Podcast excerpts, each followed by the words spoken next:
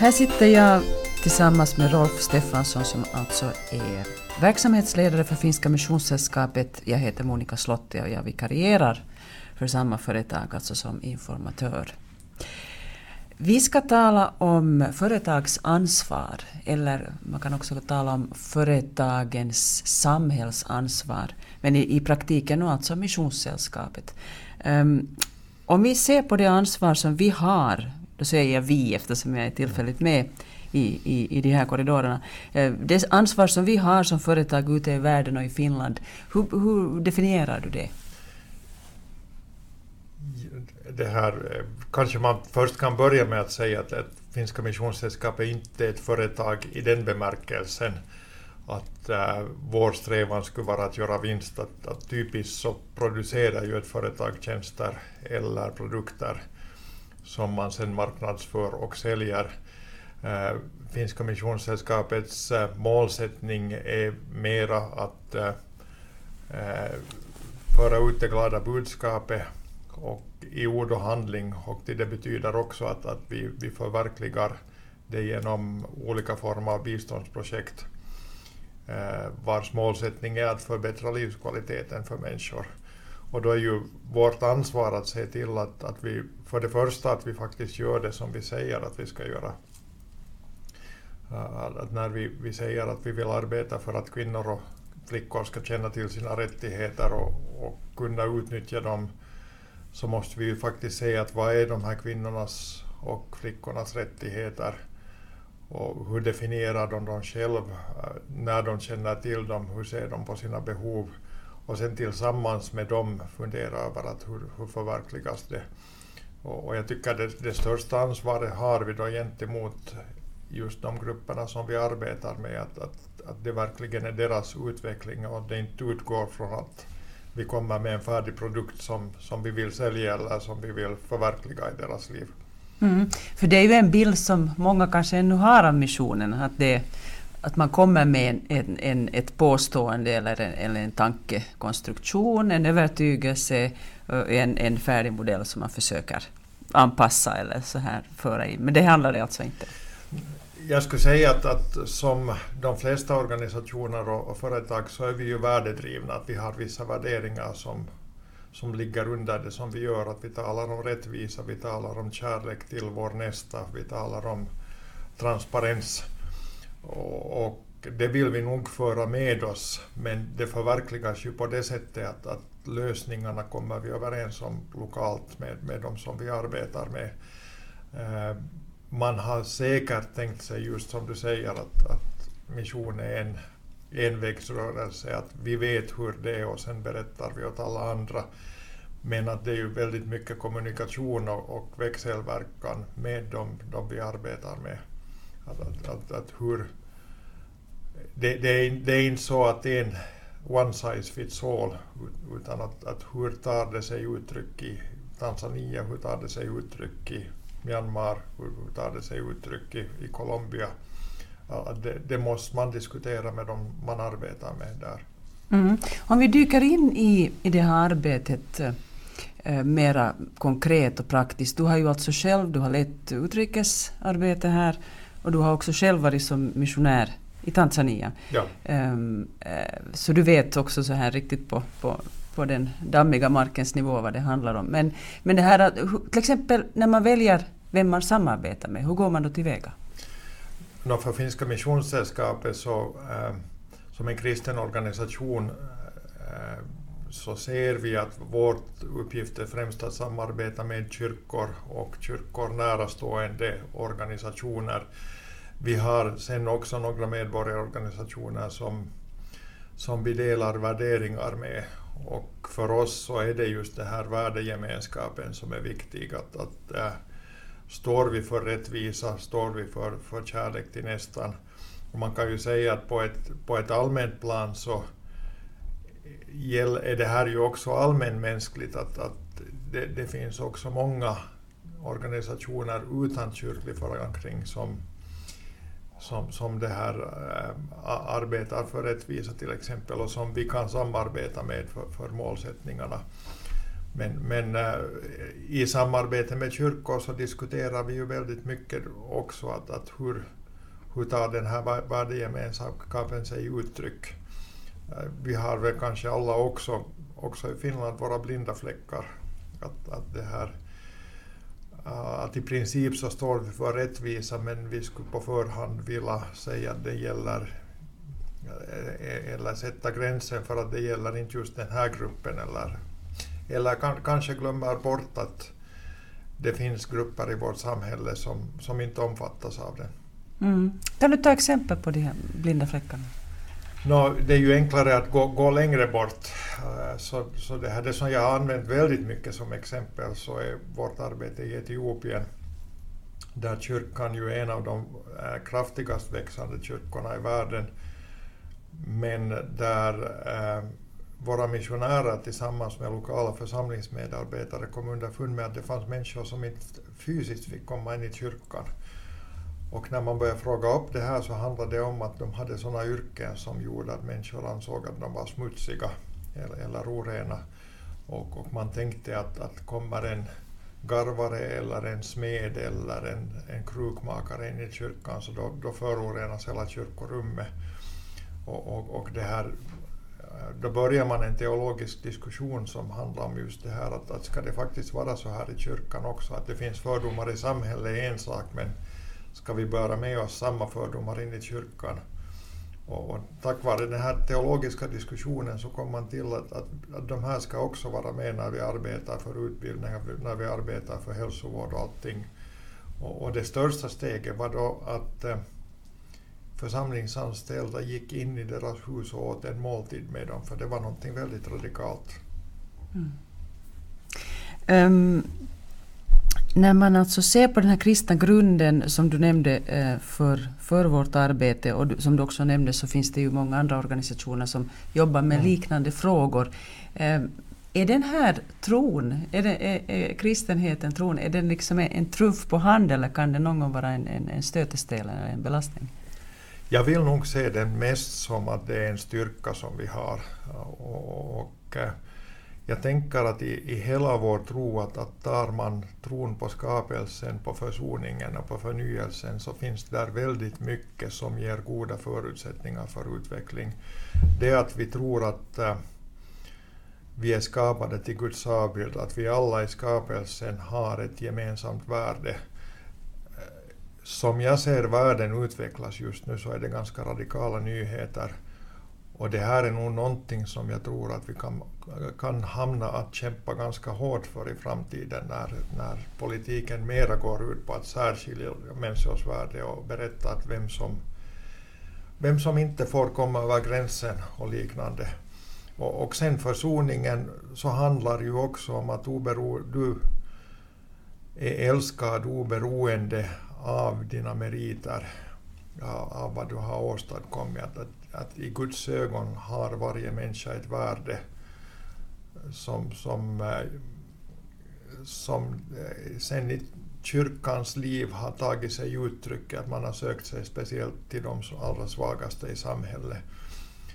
Eh, sen så finns det nog också teologi som som är, är särskiljande och, och, och, som, kan göra det, som kan vara ett hinder för utveckling. Äh, att äh, utgår man från en teologi med till exempel väldigt rigida könsroller så, så kan det på många håll där vi arbetar betyda att, att kvinnornas rättigheter inte förverkligas och, och då blir det en broms för utvecklingen. Så, så, och, och det, här, det här är någonting som vi också måste kunna prata teologiskt om. Mm. Men just det här påverkansarbetet som man ju talar om, som, som vi har många duktiga människor också i huset som, som arbetar med, eh, det sker ju på många plan. Det är ju inte enbart beslutsfattarna, man sitter inte bara runt eh, de här runda borden, har jag, har jag fått lära mig, utan det kan också handla om att du, att du talar med en byäldste eller, eller du är på något sätt... Kan du berätta mer om det här, för du har ju varit arbetat där?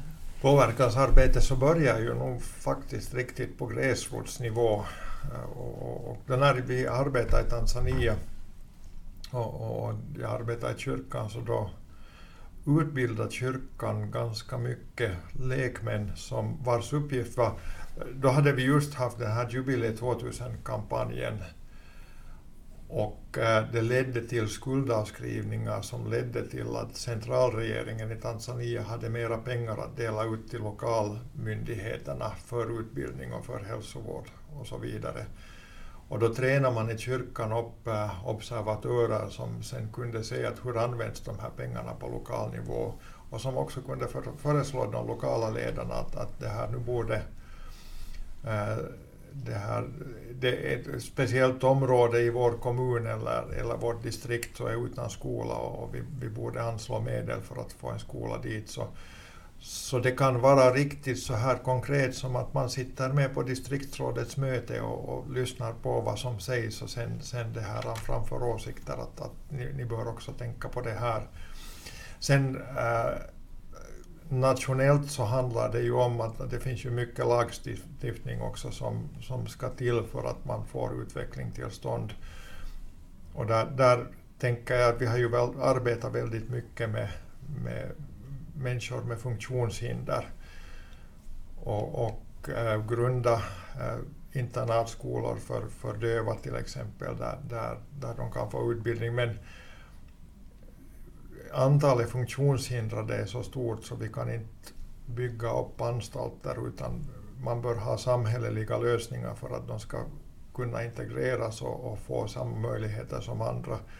Och, och därför i Etiopien till exempel har vi jobbat med, med att Eh, få äh, eh, be, beslut som stöder skolors möjlighet att, att anta döva elever som, som elever. Och det betyder att man måste utbilda lärare med teckenspråkskunskap. Man, man måste se till att äh, faciliteterna är sådana att, att äh, de, de, kan gå i skola.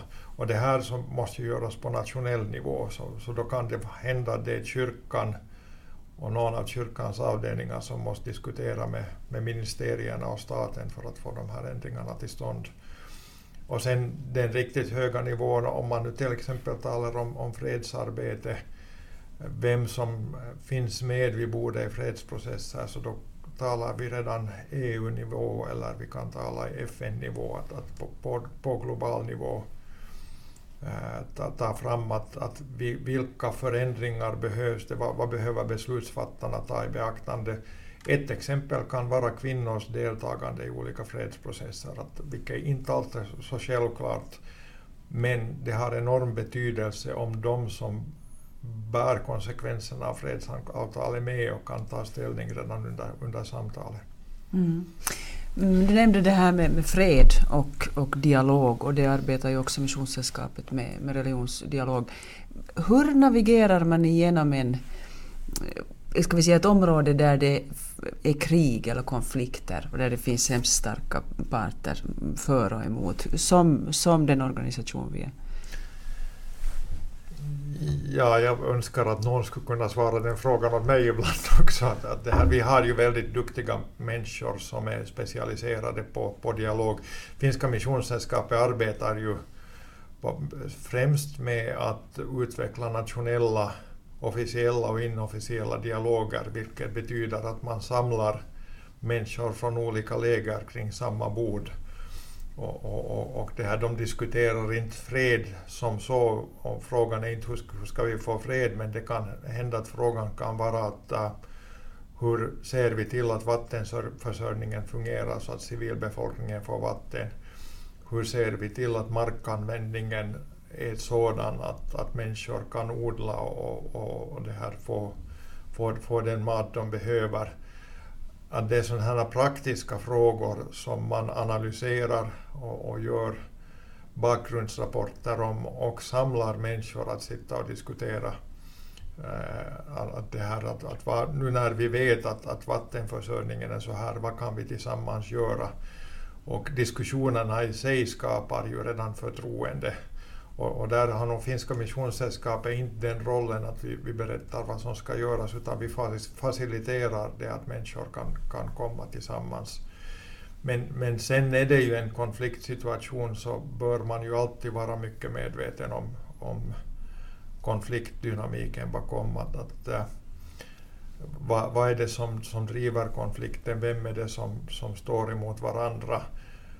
För det är ju väldigt lätt att, att det här placerar man en brunn fel på fel ställe så kan det förstärka konflikten och då har vi varit med, varit med om att göra, göra saken värre. Så, så, och där, där så betonar vi nog också de lokala äh, sakkännarna, alltså de lokala eh, partnernas äh, roll, att, att det, det, är de som vet äh,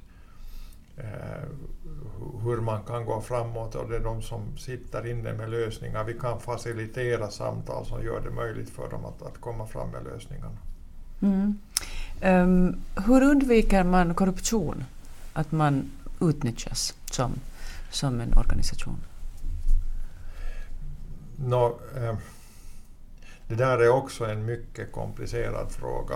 Eh, de länder vi arbetar i så kan ha en mycket annan bild på ägarskap och, och på, på var, var gränserna går än, än vi har.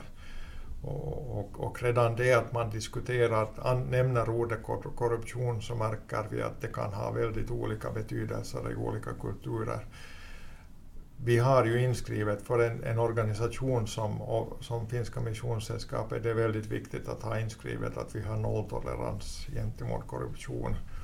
Och det betyder att, att det här man, man inte utnyttjar sin position eller de resurser som man har till sitt förfogande e, e, e, eller någonting annat som gemenskapen har ställt till ens förfogande för till egen eller till den egna gruppens nytta. Och, och där så eh, bör man ju ha, när det gäller ekonomi, uppföljningsmekanismer och, och, och rapportering och, och, och det här för många kan det vara väldigt så, så, sårande att vi kontrollerar så pass mycket och man hamnar till att rapportera så mycket och det här, vi får ibland klagomål att, att litar ni inte på oss? Men äh, när man samarbetar så här så är, så är nog den bästa Äh, sättet att bygga förtroende faktiskt öppenhet och, och, och transparens, att, att, att allting faktiskt är öppet. Så, så jag skulle säga att öppenhet så, så är den första. Sen utbildning, att, att människor, att vi tillsammans går igenom vad korruption är, att vi tillsammans går igenom vad som är godkänt och vad, vad som inte är godkänt. Och sen en medvetenhet att man bygger också äh, äh, i, varje projekt så har vi, ger vi den möjligheten att de som projektet berör att, att det här, är det någon som till exempel är med i ett äh, utbildningsprojekt, någon studerande, någon som, som får, får någonting från det här projektet, så ser de någonting fel så vi har en så kallad korrup anmäl, korruptionsknapp, alltså en anmälningslänk på, som, som man kan kontakta oss via och det här meddela och då, då är vi skyldiga att granska det. Så, så det här är nu de sätt som vi har att men, men sen att upprätthålla den här diskussionen om korruption, att, att äh, förklara varför den är skadlig för ett samhälle. Att, att, det här, att äh, någon utnyttjar sin, sin, position för till egen fördel. Mm. För jag kan tänka mig att det kanske också är, är lätt för, för någon som, som lever i, i knappa förhållanden att, att då uppfatta den här organisationen som, som en eh, penningkista som har ändlösa resurser och, och så. Ja, på sätt och vis så kan det ju vara ganska lätt att förstå också att, att det här, om man tänker vad lönegraden är någonstans där som vi arbetar och, och människor Eh, en av de största utgifterna som människor har så är barnens utbildning. Att, att ska man skicka sina barn till, till universitet så då är det fråga om ganska stora kostnader. Och eh, på många håll så är det en eh, stor orsak till det som vi kallar för petty corruption, alltså korruption i småskala, att, att, att man försöker se till att man kan betala just sådana uppgifter. Och det är ju lätt att förstå, men sen måste man ju också kunna förklara att det att, äh,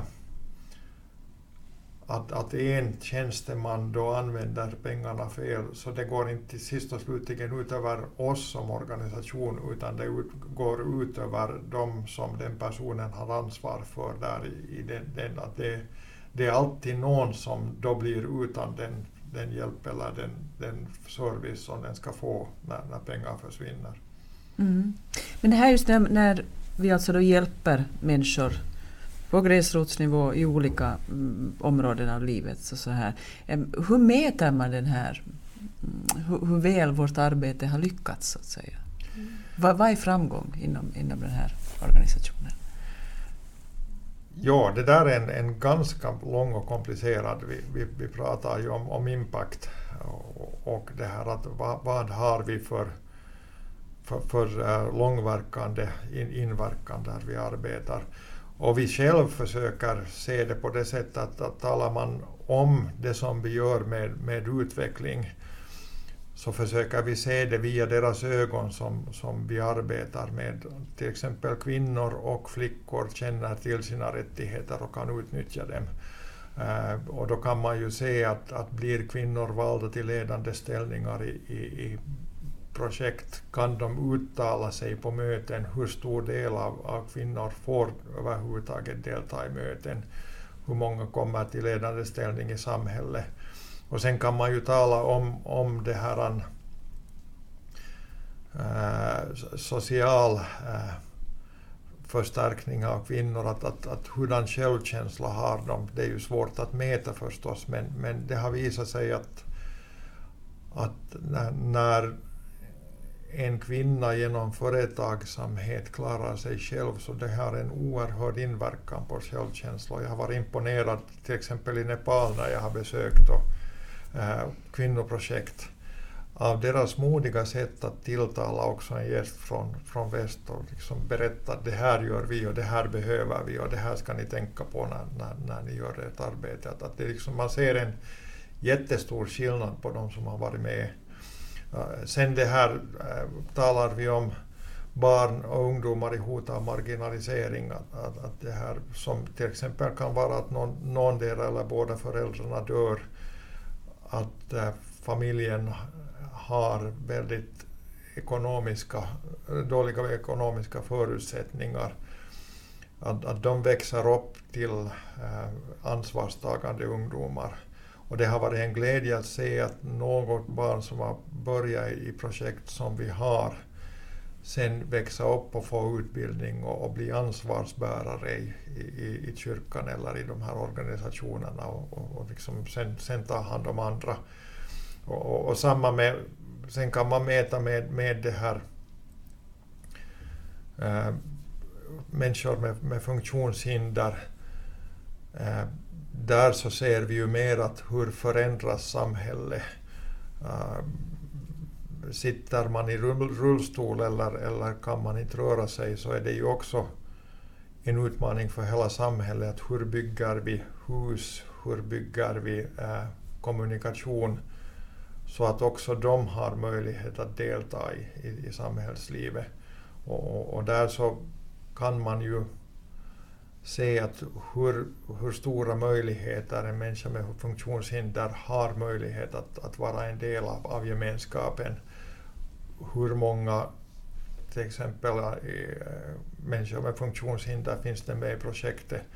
Och, och, det är ju sen, sen i det stora så för hela samhället, det är ju nog bevisat att, att för hela samhällets tillväxt och välmående så är det ju också avgörande hur mycket man tar med just de här utsatta grupperna. Att, att det är kvinnor och flickor, är ungdomar från, från utsatta förhållanden, är äh, människor med funktionshinder med och bygger upp samhället. Det är ju enorma resurser mm. och, och en, en, del av, av det här på inverkan så är ju det att, att kan ett samhälle utnyttja de här resurserna. Mm. När bedömer man då att, att eh, det är rätt tidpunkt att dra sig tillbaka? Att, att vi har, har gjort tillräckligt för att de ska sen kunna ta det här arbetet vidare själv? Det där är ju också en, en lång process. och, och Finska Missionssällskapet har kanske inte varit den bästa organisationen att dra sig tillbaka. Vi firar i år 150 år sedan våra första medarbetare kom till, till, till norra Namibien och vi har ännu arbete i Namibien. Men, men det, här, det har vi lärt oss att det ska nog vara ett ganska medvetet tänkande att vi ska inte vara här för evigt. Eh, min tanke har nog ända sedan vi flyttade till Tanzania varit det att från dag ett så borde man ha någon som man arbetar med som man överför kunskapen och kunnande och, och, och det här Eh, på, på, så att, att det här eh, medvetet bygger upp kunnande i den, den lokala kyrkan. Sen när man ska dra sig ut så jag tror att vi ofta har haft mera rädsla att dra oss ut för, för tidigt än, än att, att dra oss ut för sent. Och jag tror missionshistorien visar nog att, att många gånger så skulle man ha kunnat flytta över arbetet mycket tidigare och det, det skulle ha kunnat vara, vara hälsosammare att göra det. Ehm, sen måste man ju se till att, att eh, man får ju inte överflytta ansvarslöst på det sättet att, att det här att nu, nu får ni ta hand om det och, och, och det, här, det finns varken kunnande eller resurser där. Att, att, att det, det, är oansvarigt.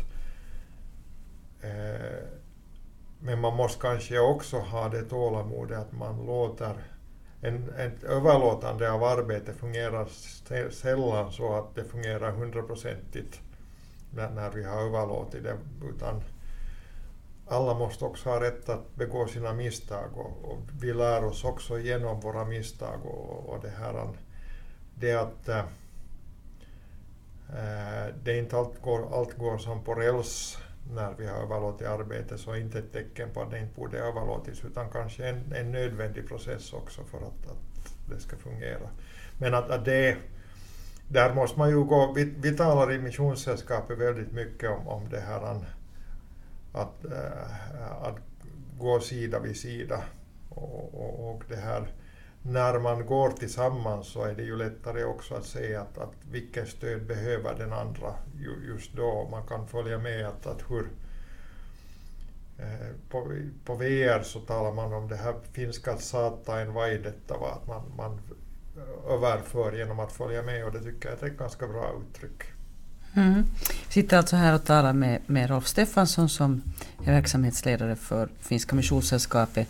Eh, I dessa ekofastetider, det här ingår ju i den serien, eh, vad betyder fastan för dig? Och i synnerhet om vi sätter det här eko framför. No, rent konkret så betyder nog fastan för mig att jag avstår från någonting och, och, och det här eh, jag tycker att det finns två, två dimensioner i det.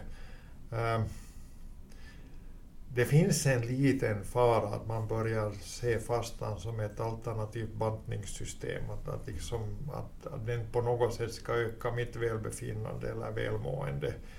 Och jag tror att den kristna fastan handlar inte om det, utan det handlar om att jag avstår från någonting som till och med är viktigt för mig. Uh, A, för att uh, när jag avstår från det så kanske jag blir mera påmind om vikten av bön och, och att sköta min gudsrelation. Men B också, att man kan inte skilja gudsrelationen från relationen till nästan. Och, och det här, jag har nu hållit på med de här fastetexterna, det här är det här är den fasta som Gud väntar av oss, att för, för den fattiges talan och, och rätta till orättfärdigheter. Att, att istället, när vi ger upp någonting så istället fundera på att hur kan vi rätta till orättvisor som vi har runt omkring oss. Och bibliskt sett så är det den verkliga fastan, att man kunde koncentrera sig på att, att se att äh, vilka odrägliga arbetsförhållanden har vi byggt upp genom vår konsumtion? Vilka ohållbara ekologiska mönster så har vi skapat genom vår konsumtion? Vad kan vi göra för att rätta till de här sakerna? Kunde jag till exempel köpa rättvisemärkta saker fast de är lite dyrare och det blir lite mindre i min, min plånbok. Kunde jag leva mera ekologiskt för att ge tillbaka det från skapelsen som, som vi har åstadkommit. Att, att,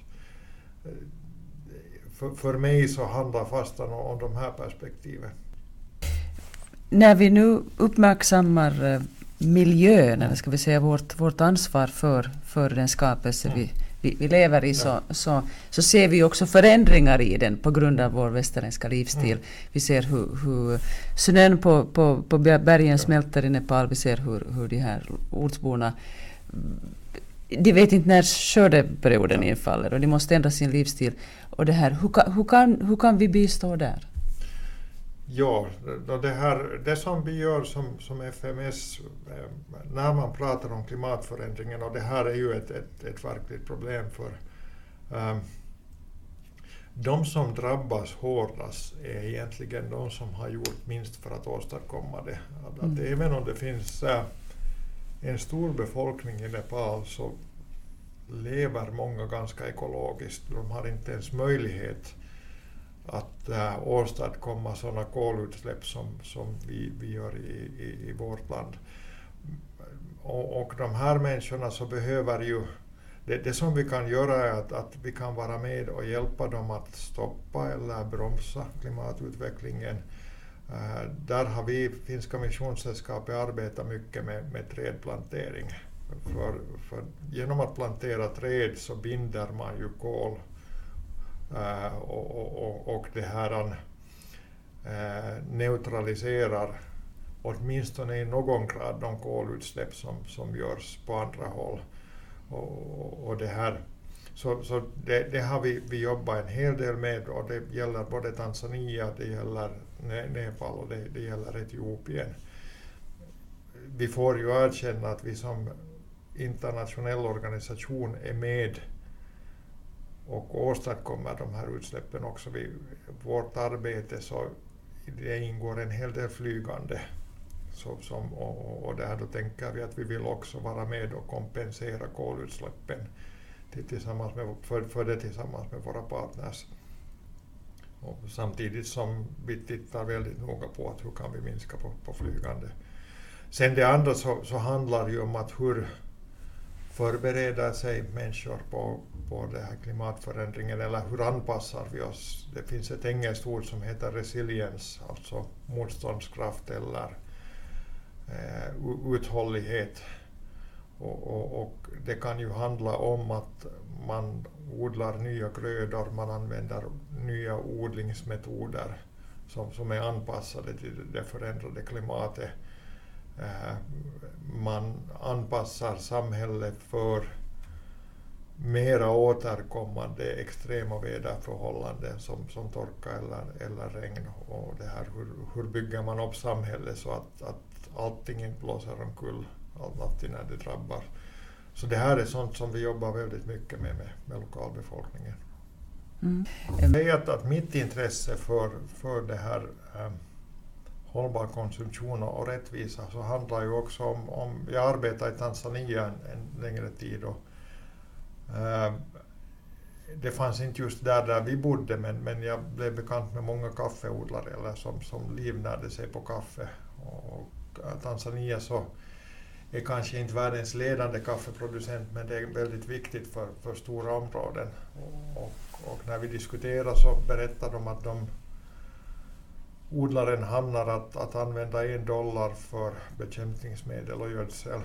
Och sen så sålde man kaffe på auktion och, och, och det här noterade att man fick 80 cent för, för kaffekilo. Att, att, äh,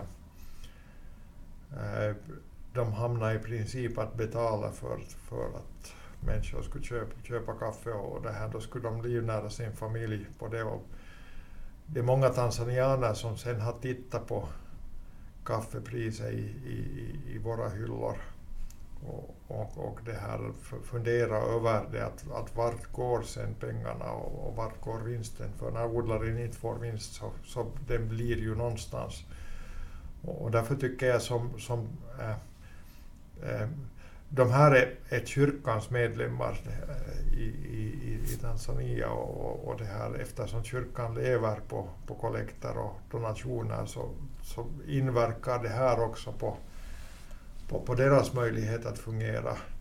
Och, och, därför så, det här med rättvisa så har också en sån att det, det stöder också eh, uppbyggnaden av det lokala samhället och i, i det här fallet församlingar. Att, det här, att jag har tänkt på det att det kan inte vara så att jag med ena handen donerar pengar till kyrkans internationella arbete och missionen för att kyrkan ska må bra och med andra handen så vill jag ha så billigt kaffe så att, att de här människorna som är medlemmar där inte, inte kan klara sig. Att, att vi på något sätt måste se på det som en helhet. Och jag tror att, att också för missionens och den världsvida kyrkans del så det bästa eh, receptet för, för, för framgång så är nog en, en hållbar världsekonomi. Att det, det är också en aspekt som, som vi har funderat väldigt mycket på. Mm. När vi pratar om på, påverkansarbete så det är ju också någonting som vi gör i Finland. Och, och, och, det, här, det är ju också lagstiftning och system som, som borde förändras i Finland. Och, och det här, vi har, under förra riksdagsvalet så var vi med om, om, äh, om en kampanj för, för äh, företagsrättvisa som betyder att vi, vi, behöver en lag i Finland som, eh, eh, som stipulerar hur företag ska rapportera om sina underleverantörskedjor. Att, att har vi till exempel eh, klädproduktion i Finland så kommer textilierna någon annanstans ifrån och då är ju tanken att hur har de producerats, hur är de företag som har producerat de här textilierna, hur behandlar de sina anställda, vilka människorättsprinciper har de och sen i sin tur kan de ha underleverantörer som, som levererar bomullen till dem. Och eh, för att se till att, att, att rättvisan förverkligas så behöver man också kolla upp hur de här underleverantörskedjorna fungerar. Och, och, och därför var vi med i, i den här hashtag ykkösketjun som handlar om, om, om just det här att, att hur vi ska utveckla företagens rapportering. Finska Missionssällskapet har ett eget intresse för att när saker produceras i Kambodja, när saker produceras i Etiopien, eh, när saker produceras i Nepal, så där har vi våra partners medlemmar och, och, och de som, som vi annars arbetar med. Och, och det här, därför så har vi sett det här som en viktig del av, av vårt påverkansarbete. Ett annat exempel så handlar om, om, om skatterättigheter eh, eller, eller beskattning. Eh, våra länder så bygger ju ganska mycket på det att eh, vi tar gemensamt ansvar för social rättvisa genom att betala skatt som ser till att, att samhället kan, kan fungera. Ett problem är ju att många företag speciellt vill skatteplanera på det sättet att man flyttar bort skatterna någon annanstans där man betalar, betalar mindre. Det här är ju inte bara ett problem i, i vårt land utan också i många afrikanska och asiatiska länder där vi arbetar där, där ja, skatteflykten kan orsaka stora hål i, i, i budgeterna. Och, och, därför tycker vi både nationellt och internationellt bör vi se till att vi har en rättvis och fungerande och, och heltäckande beskattning som kan, kan se till att, att det här social rättvisa förverkligas. I längden så är det inte en, eh, även om bistånd är viktigt och, och, vi försvarar det, men, men i längden så kan vi inte täcka alla behov med biståndsmedel utan i längden så tror vi att varje samhälle mår bäst av att eh, bygga upp sitt välstånd just på en, en rättvis och, och täckande beskattning. Mm.